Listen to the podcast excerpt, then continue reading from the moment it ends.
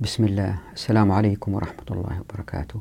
هذه الحلقة 95 من قص الحق وهي الحلقة 14 لتوضيح فصل القذف بالغيب.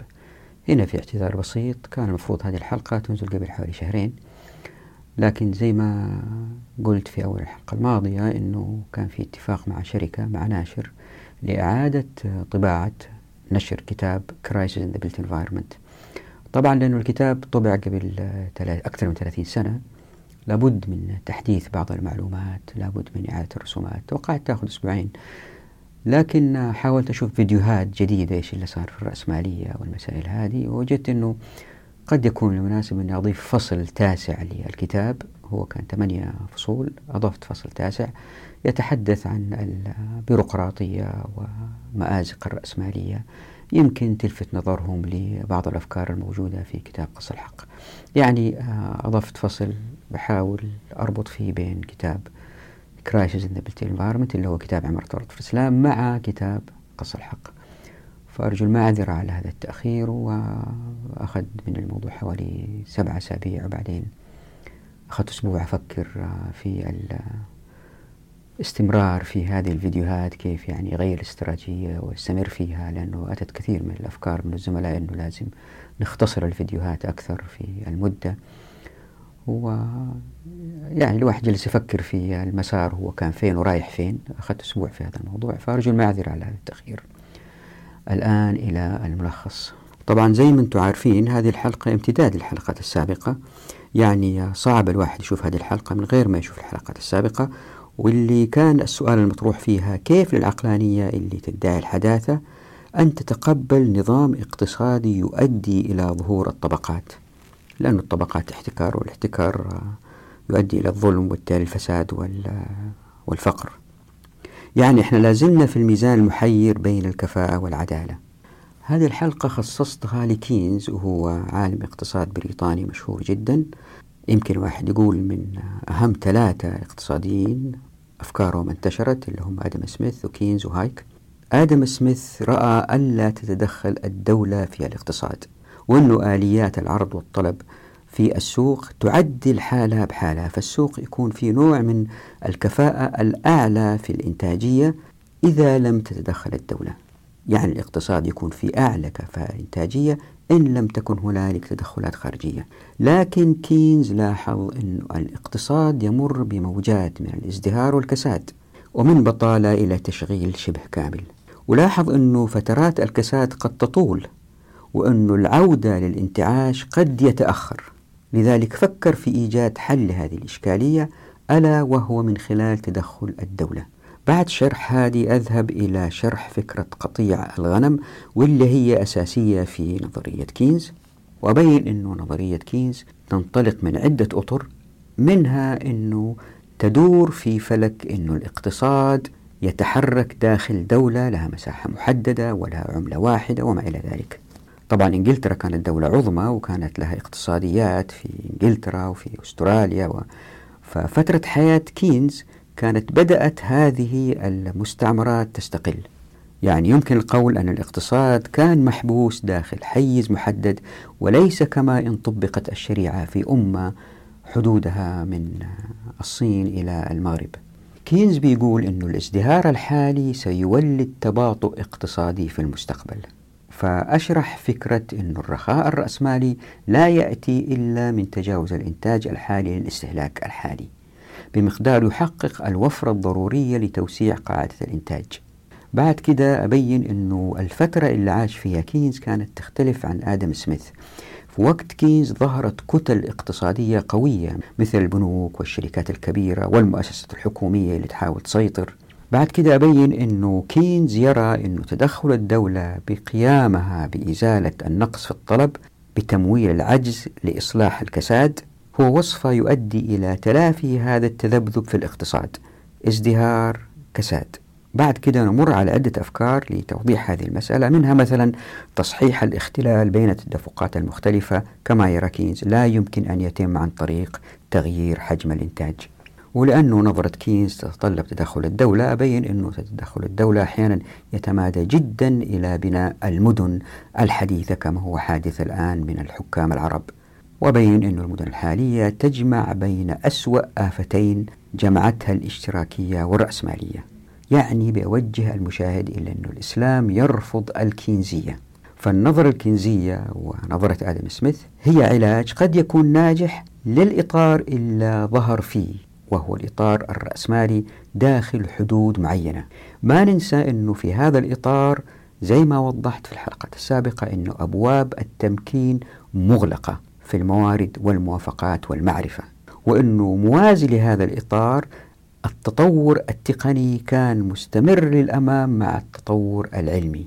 تذكروا في قصة الحق رقم تسعة في فصل قصور العقل تحدثنا عن العقل والتمكين.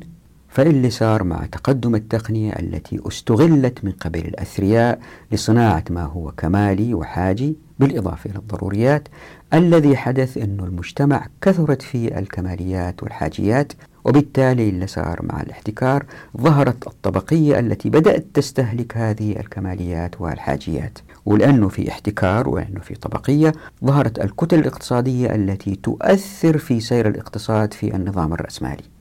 يعني نظرية كيز أتت لعلاج آفات ظهرت بسبب الإطار الذي لم يطبق الشريعة. وطبعا هذا إطار خاطئ لأنه يؤدي إلى تلويث الكرة الأرضية. بعدين أبين أنه مع تطبيق الشريعة لأن المجتمع فتح أبواب التمكين في الموارد والموافقات والمعرفة ولأن المجتمع يعتمد كثير على الضروريات إلا بيصير أنه في استقرار كبير في السوق لأنه بيعتمد على الضروريات اللي الناس على طول يستهلكوها وليست كالكماليات التي تقف وتنتج مرة أخرى. تقف وتنتج بناء على الموجة هل هي كساد أو ازدهار؟ فتزيد في النظام الرأسمالي من حدة تذبذب الاقتصاد بين الكساد والازدهار لكن مع تطبيق الشريعة لأنها مبنية على الضروريات في نوع من الاستقرار والاستتباب. إلا يعزز هذا أيضا أنه الحدود مفتوحة في العالم الإسلامي ما في حدود لدولة أو قومية محددة. فأبين أنه احتمالية ظهور التذبذب بين الازدهار والكساد شبه مستحيل في هذا الإطار. وبين أيضا أن العملية الإنتاجية في العالم الإسلامي إن طبقنا الشريعة ستكون مفتتة إلى جماعات كل جماعة تنتج شيء معين. وهذه الجماعات بين تنسيق محدد. هذه يأتي توضيحها إن شاء الله في فصل الشركة. لكن أذكرها هنا حتى أنوه أن الجماعات هذه اللي بتنتج لأنها تملك المصانع اللي تعمل فيها يستحيل عليها تسرح أنفسها يعني يستحيل عليها تمشي نفسها تقول ما في شغل. لا تضطر إنها تكيف إنتاجها حتى ينباع أكثر. وليست كالشركات الكبيرة اللي تسرح آلاف الموظفين وهذا يؤدي إلى ظهور البطالة وبالتالي تظهر هذه التموجات بين الكساد والازدهار. بعد كده أبين أنه النظرة الكنزية هذه التي أدت إلى دول لكل دولة تبحث عن مصلحتها بالدرجة الأولى هذا وضع طبيعي أدت إلى شراسة هذه الدول. ليه؟ لأن الدول تريد أن تفق المال على شعبها. من أين تأتي بالأموال؟ أما من الضرائب أو من الخيرات في تحت أرضها أو من سرقة الدول الأخرى. فكانت الكرة الأرضية مهيئة لظهور الصراعات بين الدول لأن الحروب الآن ليست بالأسهم والسيوف ولكن حروب اقتصادية. يعني النظرة الكينزية أدت إلى سعير العداوة بين الدول وهذا لن يحدث مع تطبيق مقصود الحقوق لأن العمل العسكري عبادة عندها الأمة تكون أقوى ما يكون وجميع الأمم تهابها. هذه مسألة سيأتي توضيح أكثر في فصل الحكم لكن أذكرها هنا سريعا حتى أحاول أقنع المشاهد أنه مع وجود دولة قوية هي الأمة الإسلامية وباقي الدول الناس يعيشوا حياتهم مسيحيين بوذيين يهود على أديانهم لكن في مقصوصة الحقوق يجب أن يطبقوا العلاقة بين الحاكم والمحكوم بالرجوع لمقصوصة الحقوق حتى لا تتلوث الكرة الأرضية. وهذا سيخفف من سعي هذه الدول في الحصول على المزيد من المال وبالتالي المزيد من البيروقراطية وبالتالي المزيد من الاحتكار والمزيد من الفقر في تلك الدول. يعني تطبيق الإسلام لشعوب تلك الدول هو خير لهم. والآن إلى التوضيح. اللورد جون كينز الذي يعتبر من أشهر الاقتصاديين يعني هو يمكن يأتي بعد آدم سميث. آدم سميث أول بعدين كينز بعدين هايك. هذول الثلاثة هم الرواد تقريبا. قال قبل ما يموت هو توفى عام 1946 أتولد 1883 قال قبل ما يموت إنه ما شرب شامبين كفاية ما شبع منها. وكان شخص مشهور جدا بشطارته في المضاربة في أسواق المال كان شاطر. فالسؤال اللي طرح نفسه هنا هل يمكن لواحد بهذه المواصفات يأتي بنظرية اقتصادية قوية. وين أتت فيها تعكس ماذا؟ تذكروا في الحلقات الماضية تحدثنا عن قياس نجاح الاقتصاد باللذة, باللذة الجسدية في بعض الآراء. فإن كان في آه نجاح باهر اقتصادي في هذه المسألة لابد أن يكون متأثر بهذه النظرة. فهل يمكن لواحد بهذه العقلية يأتي بنظام اقتصادي؟ إلا إذا كان ذكي جدا. خلينا نقول أنه كان ذكي جدا جدا جدا. ونقول أنه هذا المنطق اللي بنستخدمه في البداية في بداية هذه الحلقة عشان ننتقد في كينز ما هو منطق علمي. كيف يمكن نرد على واحد علماني اقتصادي أنه نظريات كينز خطأ؟ حتى نقوم بهذه المسألة يجب أول شيء نفهم نظرية كينز. بعد الأزمة الاقتصادية اللي كانت بين الحربين العالميتين الأولى والثانية كينز وضع نظرية سارت عليها معظم الدول الصناعية في العالم الغربي. والفكرة هي أنه الاقتصاد زي ما إحنا شايفين الأيام هذه دائما يمر بموجات يطلع وينزل. الأيدي العاملة يكون فيها تشغيل شبه كامل وبعدين بعد فترة يصير في بطالة. الأسعار تطلع تنزل فدائما في تقلبات. هذه بالنسبة لكينز كانت غير مقبولة ليه؟ لأنه كانت النظرة الاقتصادية مبنية على نظرة آدم سميث اللي تقول أنه السوق الحر كل ما كان حر يصلح نفسه من خلال الأسعار بحيث أنه العرض والطلب يا آه وضحناها هذه سابقا أنه آه لما يزداد الطلب السعر يطلع بسرعة السوق يستجيب وهلم مجرة هذه الآلية تصلح نفسها في فترات قصيرة فمسألة أنه تكون في الموجات هذه أو الأزمات هذه تحدث في فترات متقاربة فالسوق بسرعة يصلح حاله. اللي لاحظوا آه كينز أنه هذا لا يحدث. ليه؟ لأنه اللي بيصير أنه أحيانا لما تكون في آه أزمة مالية الناس يوقفوا الإنفاق يخزنوا أموالهم في البنوك يترددوا في إخراجها واستثمارها في صناعات وكل واحد يستني الثاني وبالتدريج يكون في تباطؤ في إعادة الاستثمار. زائد أنه العمال العاطلين اللي كان يأخذ أجر معين ما يرضوا يعودوا للعمل بأجر أقل لأنهم آه قد يكونوا بعضهم مرتاح ماليا أو في عنده ما يكفي لأسباب ما أحيانا نفسية. وهذه ثبتت بالأبحاث أنه كثير من الناس لا يعودوا لأعمال برغم حاجتهم للمال إذا كان الذي سيدفع لهم أقل مما كانوا يتقاضوا سابقا. فاللي يصير أنه في تراخي في العودة للعمل بأجر أقل ورغم أن الأسعار تكون نزلت أيضا أصحاب رؤوس الأموال أصحاب المصانع أرباب الأعمال ما يعطوا الناس رواتب زي ما كانت في السابق. فاللي بيصير أنه فترة الكساد هذه الطول فالاقتصاد ما يرجع الإزدهار بسرعة زي ما قال آدم سميث فالفترات أطول. هنا هو أتى بنظرية ألا وهي ولا استخدام العالم الغربي ومعظم الدول أيضا أن الدولة تتدخل لحل هذه الإشكالية. هنا تأتي ظاهرة نموذج قطيع الغنم وهي أساسية في تحليلات كينز. ألا وهي أنه أنتم عارفين الغنم لما الغنمة تمشي باقي الغنم يمشي وراها من غير ما يفكروا. يثقوا بالغنم اللي قدام. كل غنم تثق بالآخرين وكلهم يمشوا ما عارفين رايحين فين هذه الظاهرة أحيانا في الاقتصاد يأتوا مجموعة أفراد ويدخروا. سمعوا خبر يمكن تكون حرب سمعوا حاجة أو قد لا تكون صحيحة شائعات يدخروا. الآخرين يبدأوا يقولوا ها في شيء إحنا ما إحنا عارفينه. يتجهوا هذا الاتجاه. فأيضا يبدأوا يدخروا. فلما ازداد الادخار يقل الإنفاق عند الناس وبالتالي الأرباح تقل وبالتالي مجموع الادخار يقل. طبعا هذا الكلام آه رآه كينز بوضوح لأنه هو في إنجلترا وإنجلترا جزيرة آه كبيرة. فلها حدود لها عملة واحدة. فهذه التوقعات تحدث لأن المنطقة محددة. الآن إذا طبقنا الاقتصاد في العالم الإسلامي لأنه كبير وما في حدود هذه الظواهر احتمال ظهورها يكون أقل بكثير جدا وليس إن كان في دولة محددة صغيرة زي ما هو في إنجلترا. رغم أنها دولة لها اقتصاد كانت دولة عظمى ذلك الوقت لها اقتصاد في كل مكان لكن الاقتصاد داخل إنجلترا كان يتأثر بهذه النظرة ويتأثر بالاقتصاد الخارجي. فالنظرة هذه الكينزية أنه الاقتصاد متقلب مستنبط من وضع محدد واللي رأى أنه له حل واضح ألا وهو أن الدولة تتدخل حتى لا تقع هذه التقلبات.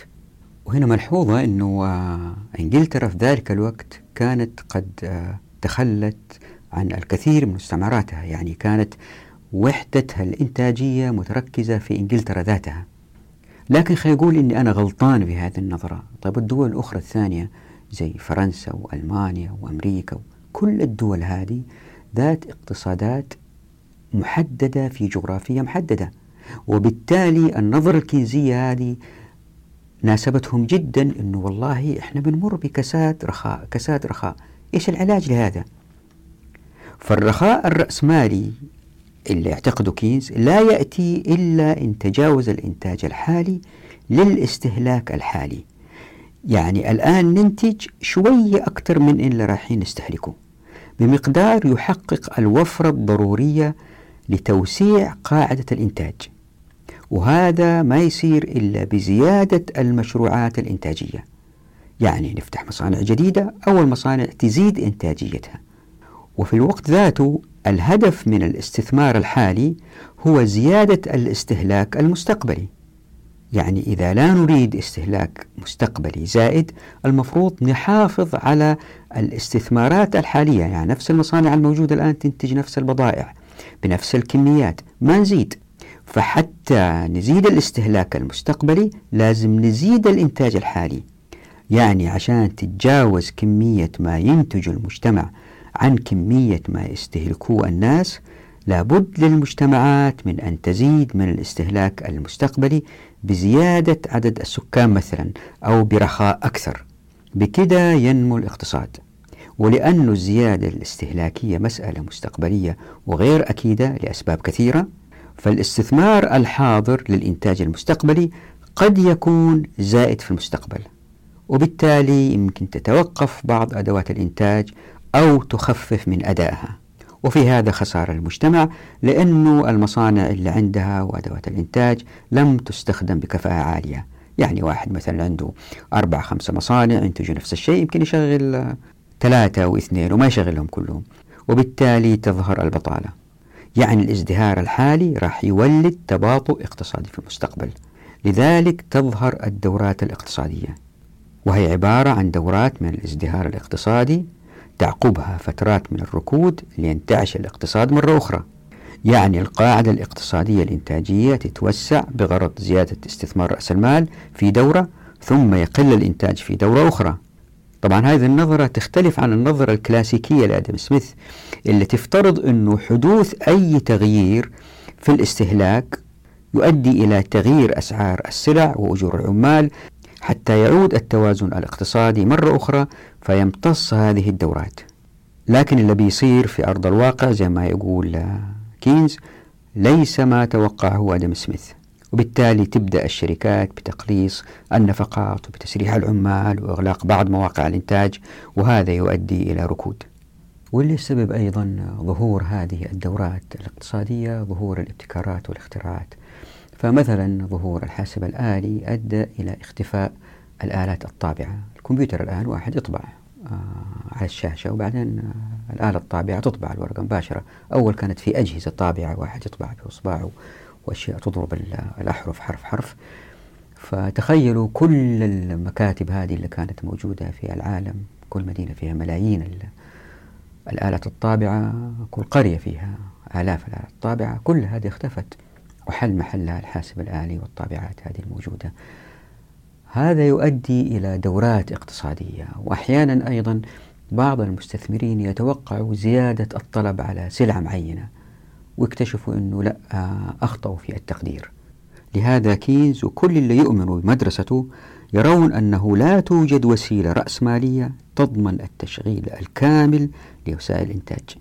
لذلك اقترح كينز ضرورة قيام الدولة بإزالة النقص في الطلب بتمويل العجز لإصلاح الكساد.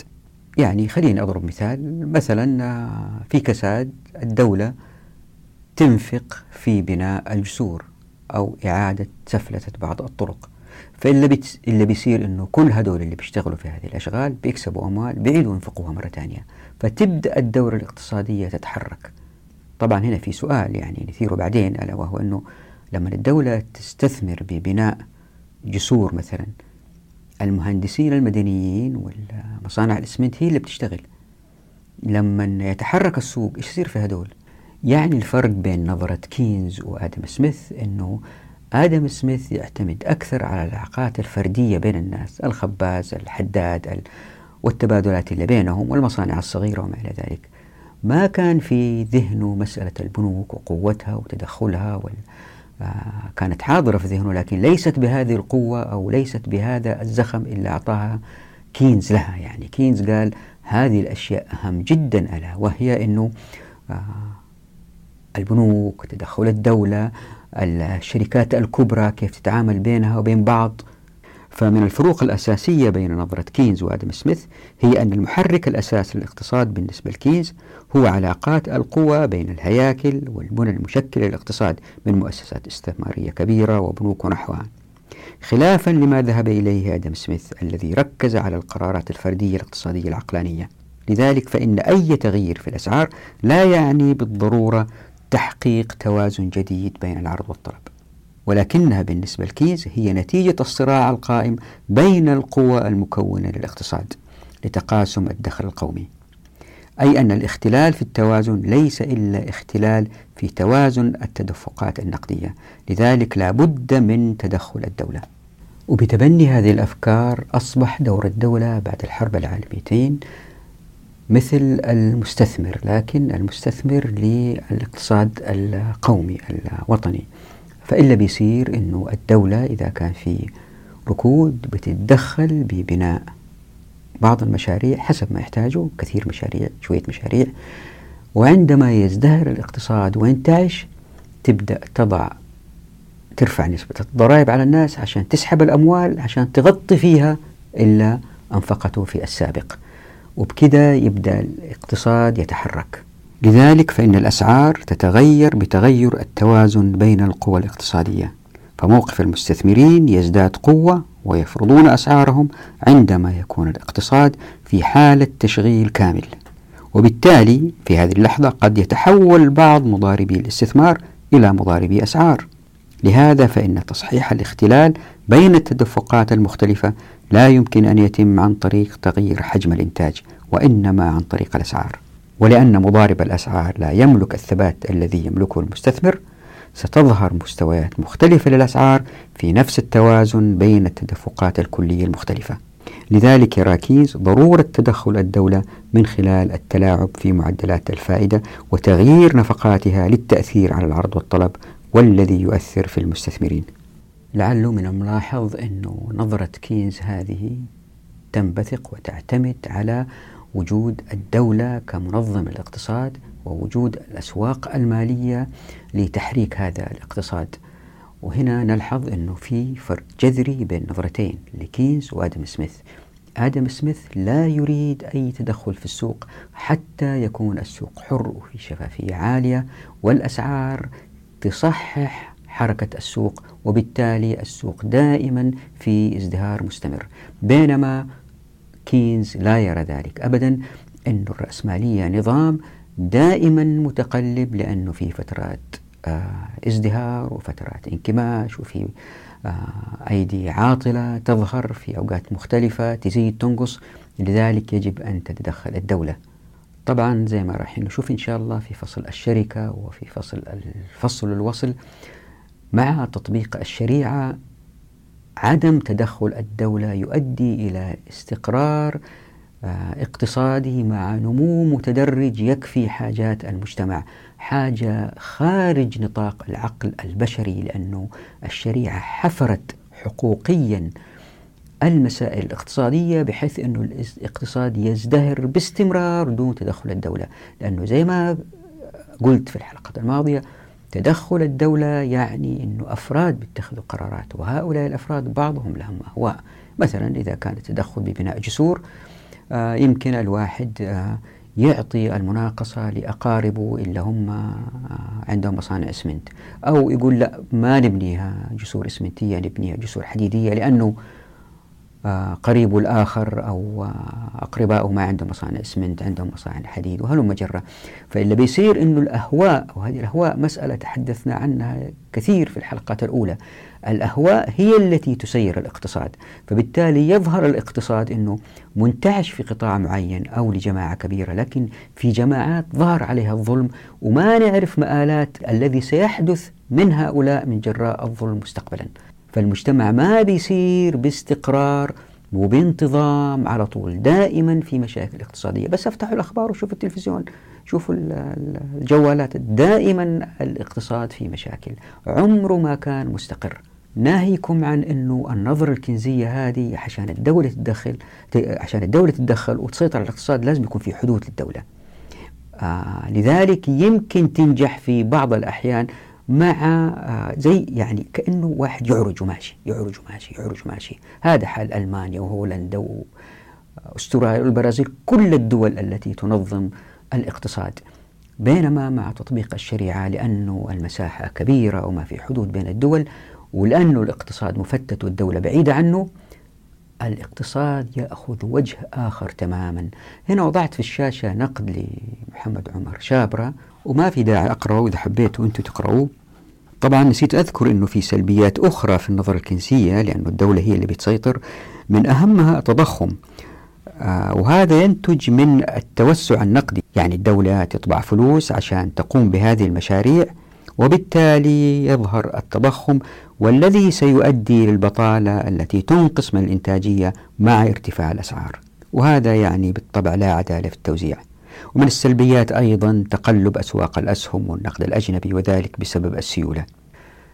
طبعا يجب أن لا ننسى هنا تأثير النظرة الكنزية على العالم الثالث. اللي صار أنه مسؤولي الدول في العالم الثالث قالوا أهو عشان الاقتصاد ينتعش لابد نحرك الاقتصاد. كيف نحركه نحتاج فلوس من خلال مشاريع طب ما عندهم فلوس؟ أما يأخذوا ضرائب من الناس أو يقترضوا من البنك الدولي أو صندوق النقد الدولي أو من دول أخرى غنية زي اليابان زي اللي بيصير أنه يأخذوا الأموال هذه وينفقوها في المشاريع ويتم التلاعب فيها بالأهواء. وأحيانا تنتهي أموال المشروع والمشروع ما أكتمل. مرة شفت صورة لجسر في نيجيريا الجسر الجسر ماشي فوق نهر في نص النهر وقف.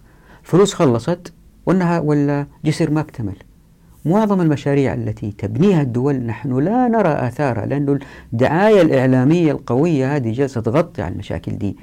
فمعظم المشاريع إذا لم تخسر فهي لا تعيد الأموال التي أنفقت فيها بحيث أنه يا دوب تعبنا واشتغلنا وفكرنا بنغطي نفقات المشروع فهو ليس مشروع اقتصادي ناجح. أكل من وقت الأمة. إلا كان يمكن هذا المال يستثمر في مشروع أفضل ويعطينا دخل أفضل.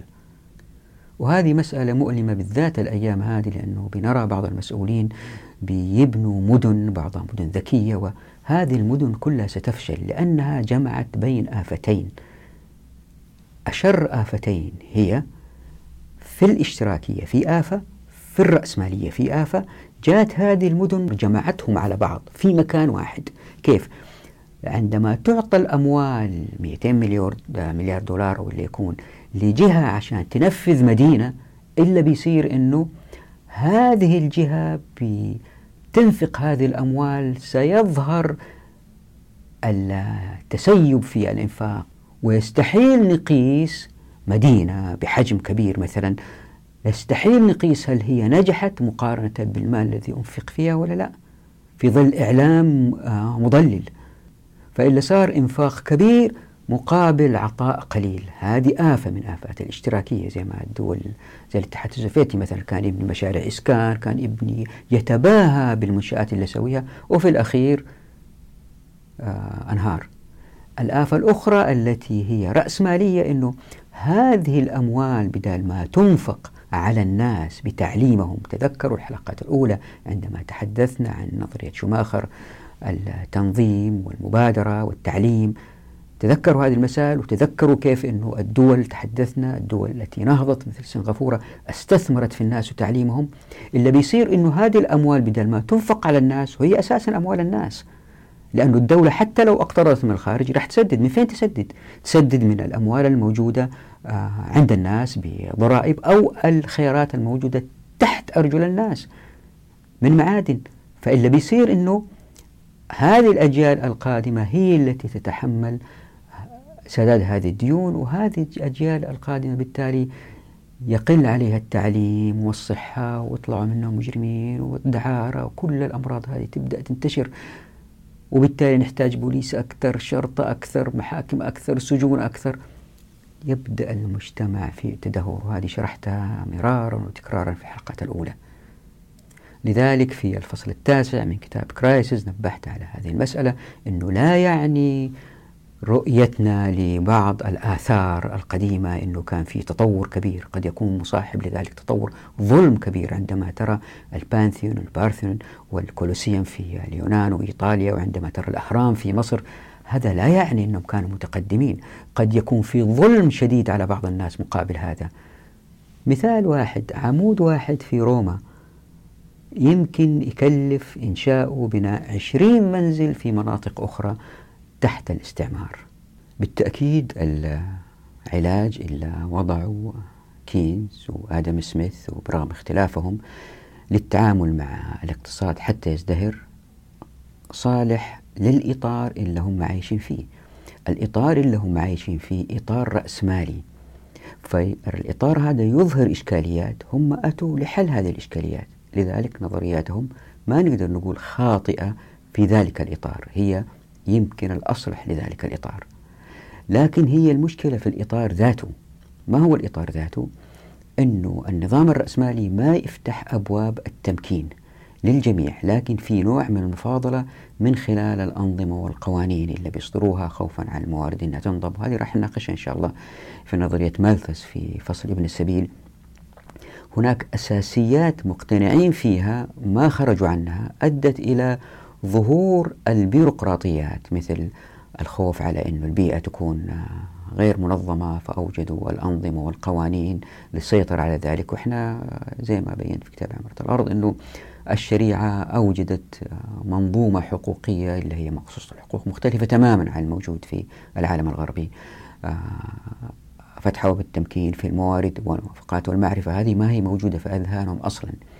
بالتالي المجتمع عندهم لما صار طبقي وصارت في كتل اقتصادية تظهر مثل البنوك مثل المؤسسات الكبيرة الشركات الكبيرة شركات النفط تتغير التدفقات النقدية في المجتمع وأدي إلى ظهور هذه الموجات من ازدهار كساد فأتت هذه كعلاج لهذه الوصفة لكن هذا لن يقع مع تطبيق الشريعة ليه؟ لأنه مثلا لأنه في مجتمع طبقي ولأنه المستهلكات في الأسواق أكثرها آه، كلها ممكن تقسيمها إلى كماليات وحاجيات وضروريات فبالتالي إذا صار في شوية نقص مالي الناس يعزفوا عن شراء الكماليات وبعدين الحاجيات فتقفل بعض المصانع. فاللي بيصير أنه لأنه آه، معظم المستهلكات في الأسواق تتقسم لهذه الثلاث الأقسام اللي بيصير أنه في اضطراب في التدفقات في السلع للأسواق. فمثلا آه، سلعة كمالية جدا آه، أول ما تخرج من السوق هي. مع تطبيق مقصوصة الحقوق لأن الناس متقاربين في الدخل لأن الناس متقاربين في الدخل. وهذه وضحتها في حلقات سابقة يا ريتكم تروحوا تشوفوها. إلا بيصير لأنه السوق دائما يكون مشبع بالضروريات. أشياء قليلة تظهر من الكماليات. إذا أثبتت وجودها تصير حاجيات بعدين تنتقل تصير ضروريات. معظم السلع في الأسواق مع تطبيق مقصوص الحقوق تكون من الضروريات. عندها لأنها من الضروريات لن تنفذ من الأسواق وهذا يؤدي إلى استقرار الأسواق لأنها من الضروريات لأنها مطلوبة. فالسوق عايش في غالبه على الضروريات. زائد أن الضروريات هذه حتى تنافس الضروريات الأخرى يجب أن تحسن من جودتها. فالعملية الإنتاج في المجتمع إنتاج ضروريات وتحسين الضروريات. تظهر كماليات تصير ضروريات بسرعة. هذا يؤدي إلى استهلاك مستمر في الأسواق ما ينقص. يعني الاستهلاك ماشي على طول لأنه مبني على الضروريات. لا ننسى أنه العملية الإنتاجية هذه راح تأتي في فصل الشركة إن شاء الله مفتتة إلى جماعات. يعني إنتاج طائرة لا يكون بشركة واحدة لكن جماعة تسوي المحركات جماعة تصمم جماعة تسوي الكراسي جماعة تسوي الدائرة الكهربائية في الطائرة ويجتمعوا مع بعض وهم الملاك للشركة. ولأن التركيبة الإنتاجية في المجتمع التركيبة الإنتاجية في المجتمع مبنية على مجموعات صغيرة تشتغل كل واحدة لوحدها وهذول بيستهلكوا من الأسواق إلا بيصير إنه يصير استقرار كبير في الأسواق ليه؟ لأنه ما في جهة واحدة كبيرة يمكن تنهار فجأة هذا نادر الحدوث إلا إن ظهرت تقنية جديدة وهذه التقنية الجديدة إن ظهرت مثلا الكمبيوتر يحل محل الآلات الطابعة. هذه إن ظهرت هي أيضا مفتتة فيصير في تغير وهذه يأتي توضيحها في فصل الفصل والوصل إن شاء الله والشركة. يصير في تغير تدريجي للناس لكسب المهارة الجديدة حتى يتطوروا ويولفوا نفسهم على التقنية الجديدة. لأن الإنتاجية موزعة بين جماعات كثيرة بالملايين هذه الجماعات إذا لم تكن مئات الملايين إلا يصير أنه انسياب وتدفق استمرار باستمرار للاقتصاد يعني كل استثمار حالي هو بالتأكيد زيادة في الاستهلاك المستقبلي. يعني الدورات الاقتصادية إلى لاحظها كينز لن توجد مع تطبيق مخصوصة الحقوق ولن تتذبذب أسعار السلع وأجور العمال ليعود التوازن الاقتصادي كما قال آدم سميث. ولن تبدأ الشركات في تقليص النفقات بتسريح العمال وإغلاق بعض مواقع الإنتاج لأنه لا عامل هنالك ولا شركات رأسمالية كل إنسان يشتغل لنفسه مع جماعة أخرى. كل جماعة تشتغل لنفسها أما فرادى أو شركات. وطبعا لأنه الشركات المنتجة هي اللي يشتغلوا فيها ملاكها من المستحيل الملاك يسرحوا أنفسهم ليه؟ لأنهم هم اللي تضرروا فبالتالي يحاولوا بشدة أنهم يولفوا منتجاتهم حتى تنباع ولأن هي أساسا من الضروريات في الغالب فتولف حالها حتى تكون من الضروريات الجديدة اللي تلبي طلبات المجتمع اللي بتغير وبتطور يوم عن يوم. لا ننسى أنه الكرة الأرضية كبيرة جدا وأنه الأمة المسلمة إن شاء الله إذا انتشر الإسلام والإسلام ما جاء لجماعة صغيرة في مكة وبس. جاء للعالم كله زي هذا زي ما هو معروف. فبالتالي أن الرق الرقعة أكبر حتى إذا كان جماعة خسرت لأنها بتنتج كماليات كبيرة فهذا ضرر في مكان صغير في مكان محدد. وليس ضرر مثل خسارة شركة موبيل مثلا التي ستؤثر وتهز الاقتصاد في دولة كبيرة زي أمريكا. فلأن رقعة المساحة كبيرة ولأن المنتجين بأحجام آه، ليست ضخمة جدا بالتالي التأثير الاقتصادي لفشل جهة معينة لن يكون مؤثر على مجموع الأمة. مرة بتناقش مع واحد عن آه، النظام الاقتصادي في الإسلام فهو يبغى يوجد آه، خلل فيبغى يحرجني. طبعا هو ما يحرجني هو بيحاول يحرج الشريعة. اتذكروا دائما أني أنا ما أتيت بشيء جديد أبدا. أنا أبين النصوص كما أتت في عهد الرسول صلى الله عليه وسلم كيف تشتغل أيامنا هذه؟ فبيقول لي طيب يمكن يضرب منطقة معينة زلزال أو سونامي يقتل الناس وكذا كيف الاقتصاد يبدأ يتعامل مع هدول فقلت له يعني أنت بتدقق على أنه الشريعة كيف تتعامل مع هذا وما تدقق كيف النظام الرأسمالي يتعامل معها؟ نفس الخبطة هنا وهنا. ليش بتدقق على هذه وتشوفها أنها يمكن الإسلام ما يقدر يخرج منها؟ والنظام الرأسمالي ما بيخرج منها أصلا. الإجابة هي كالآتي آه أنه لأنه الأمة الإسلامية كبيرة ولأنه ما في حدود ولأنه الناس يتنقلوا في هيئات مثل هيئة الإغاثة الإسلامية العالمية هذه اللي كانت في بلاد الحرمين وسكروها وفي هذه الهيئات تتحرك بسرعة ولأنها مبنية على أفراد هم مبادرين هم يبغوا يشتغلوا تطوعا هم يبغوا الأجر. هؤلاء يتحركوا والناس يمدوهم بالأموال لأنه لا ننسى الناس متقاربين في الدخل وفي نفس الوقت كلهم من الطبقة إلى فوق المتوسطة. يعني كلهم وضعهم مرتاح جدا. لذلك ظهرت الأوقاف في العالم الإسلامي لأن الناس عندهم فائض. فبالتالي تظهر أوقاف لسد آه، حالات هؤلاء الناس الذين يتضرروا من هذه الكوارث. فالأمة كلها كأنها آه، أمة واحدة جهاز حي كائن حي كلها على بعض تتحرك بسرعة إذا كان عضو تألم. لكن الآن ما في الحدود مسكرة ولين آه، جهاز من دولة معينة ثرية يروح لمنطقة فقيرة يشيكوا وراه ويفتشوه ما نعرف إيش. أيضا الناحية الأمنية واحد يقول لي طيب يا أخي بالتفكير هذا اللي أنت بتتكلم فيه آه، كيف نحمي الأمة؟ وهذه تحدثت عنها في فصل الديوان في فصل العمل العسكري هل هو عبادة وظيفة. فانتبهوا لهذه الثغرات إلا منها يدخل الناس يحاولوا أنهم آه، يبينوا أن الإسلام ما يصلح لأيامنا هذه لأنه الموضوع كبير. وأحيانا بعض المشاهدين والقراء لسه ما كملوا فاهمين جزء بسيط. هذا يخبطهم من هنا ما يعرفوا يردوا. فلازم تكتمل الصورة حتى الواحد يقدر يرد. فاللي بيصير إنه النظام الاقتصادي إن شاء الله لأنه أساسا مبني على منطق مختلف عن اللي شاهد اثاره آدم سميث وكيز آه سيتحرك باستقرار واستدباب لأنه الإنتاج بين كل طبقات المجتمع مش مركز. في شركات والشركات هذه لها ملاك ولها عمال اجراء بالآلاف. لا الكل بينتج والكل يملك اللي ينتجه والكل بيستهلك الضروريات ففي استقرار مستمر منساب للاقتصاد على طول هذه النظرية لكينز أن الدولة تتدخل لتصحيح مسار الاقتصاد أدت بالتدريج إلى أن الدول هذه تكون شرسة كيف؟ لأنه الفكرة أنه الدولة تتدخل يعني في حدود للدولة وفي عملة للدولة وأن الدولة تسعى إلى رخاء شعوبها. بالتالي بعض السياسيين يحاولوا يوجدوا المال من غير الشعوب أحيانا. فظهرت الدول التي هي تتآمر على الدول الأخرى بشراسة. فرنسا تسرق الأموال من أفريقيا. الدول القوية عسكريا تقنع الحكام وظيفيين أنكم أنتم ضعاف ونحميكم وتحلب الدول الغنية. فإلا صار أنه أشتروا الأسلحة دي وخذوا الأسلحة دي وخذوا الخبراء دولوا بالتدريج كان هذا على حساب إفقار الشعوب المسلمة. فإلا صار أنه تآمر عالمي بين كل الدول بعضها على بعض.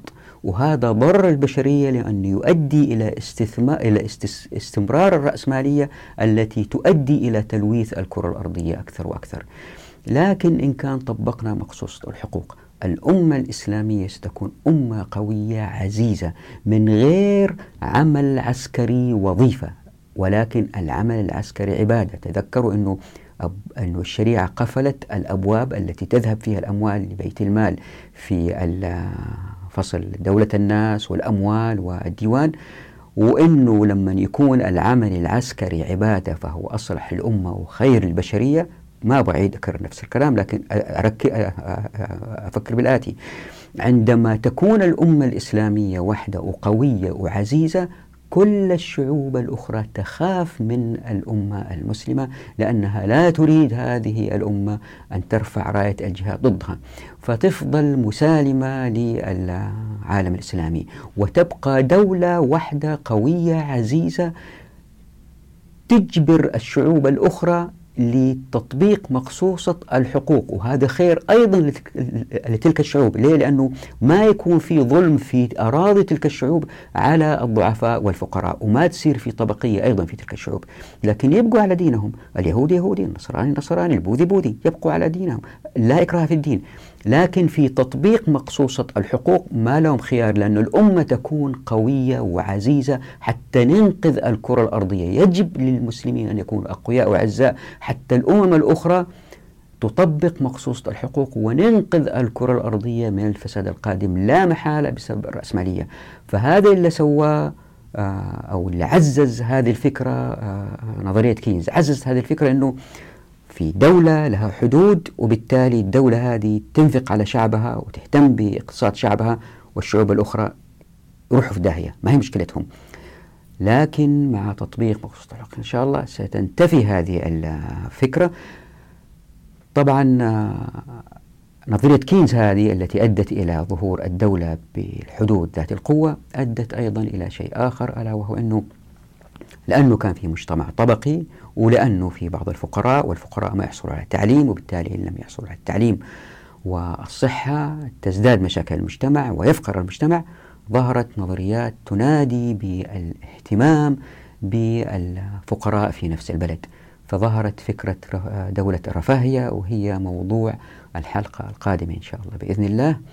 يعني باختصار نظرية كينز أدت إلى تعزيز فكرة الدول القومية لأن الدول القومية في السابق كانت مبنية على نزعات نسب دم جينات.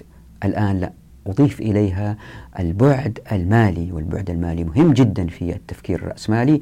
بالتالي أصبحت هذه الدول شريرة فظهر النظام العالمي الجديد الذي يحاول التعامل مع هذا الشر ولكن بطريقة ألطف. هو موجود لكن بطريقة ألطف وليس من خلال الحروب بالرماح والسهام ولكن من خلال الحروب الاقتصادية. وهذا يؤدي إلى سعير الرأسمالية أكثر أكثر لأنه في سباق لن ينتهي بين هذه الدول لزيادة الإنتاجية التي هي في النهاية تؤدي إلى تلويث الكرة الأرضية. فما في حل غير الإسلام ويجب على المسلمين أن يهبوا لإنقاذ الكرة الأرضية ولن يتم ذلك إلا بتطبيق مقصوصة الحقوق التي تؤدي إلى إيجاد أمة قوية عزيزة. طبعا موضوع الحلقة القادمة هي دولة الرفاهية لأنه النظرة الكينزية هذه أدت إلى أن الدول تهتم أنها تكون اقتصاديا قوية. هذا يتطلب أنه حتى الفقراء في هذه الدول يجب أن يتمتعوا بالتعليم والصحة حتى لا تزداد هذه الأمة فقر مثل إنجلترا فرنسا وكذا كذا. فظهرت أفكار دولة الرفاهية التي تبنتها الدول الإسكندنافية أكثر. هذا موضوع الحلقة القادمة. نراكم على خير. في أمان الله. ودعواتكم.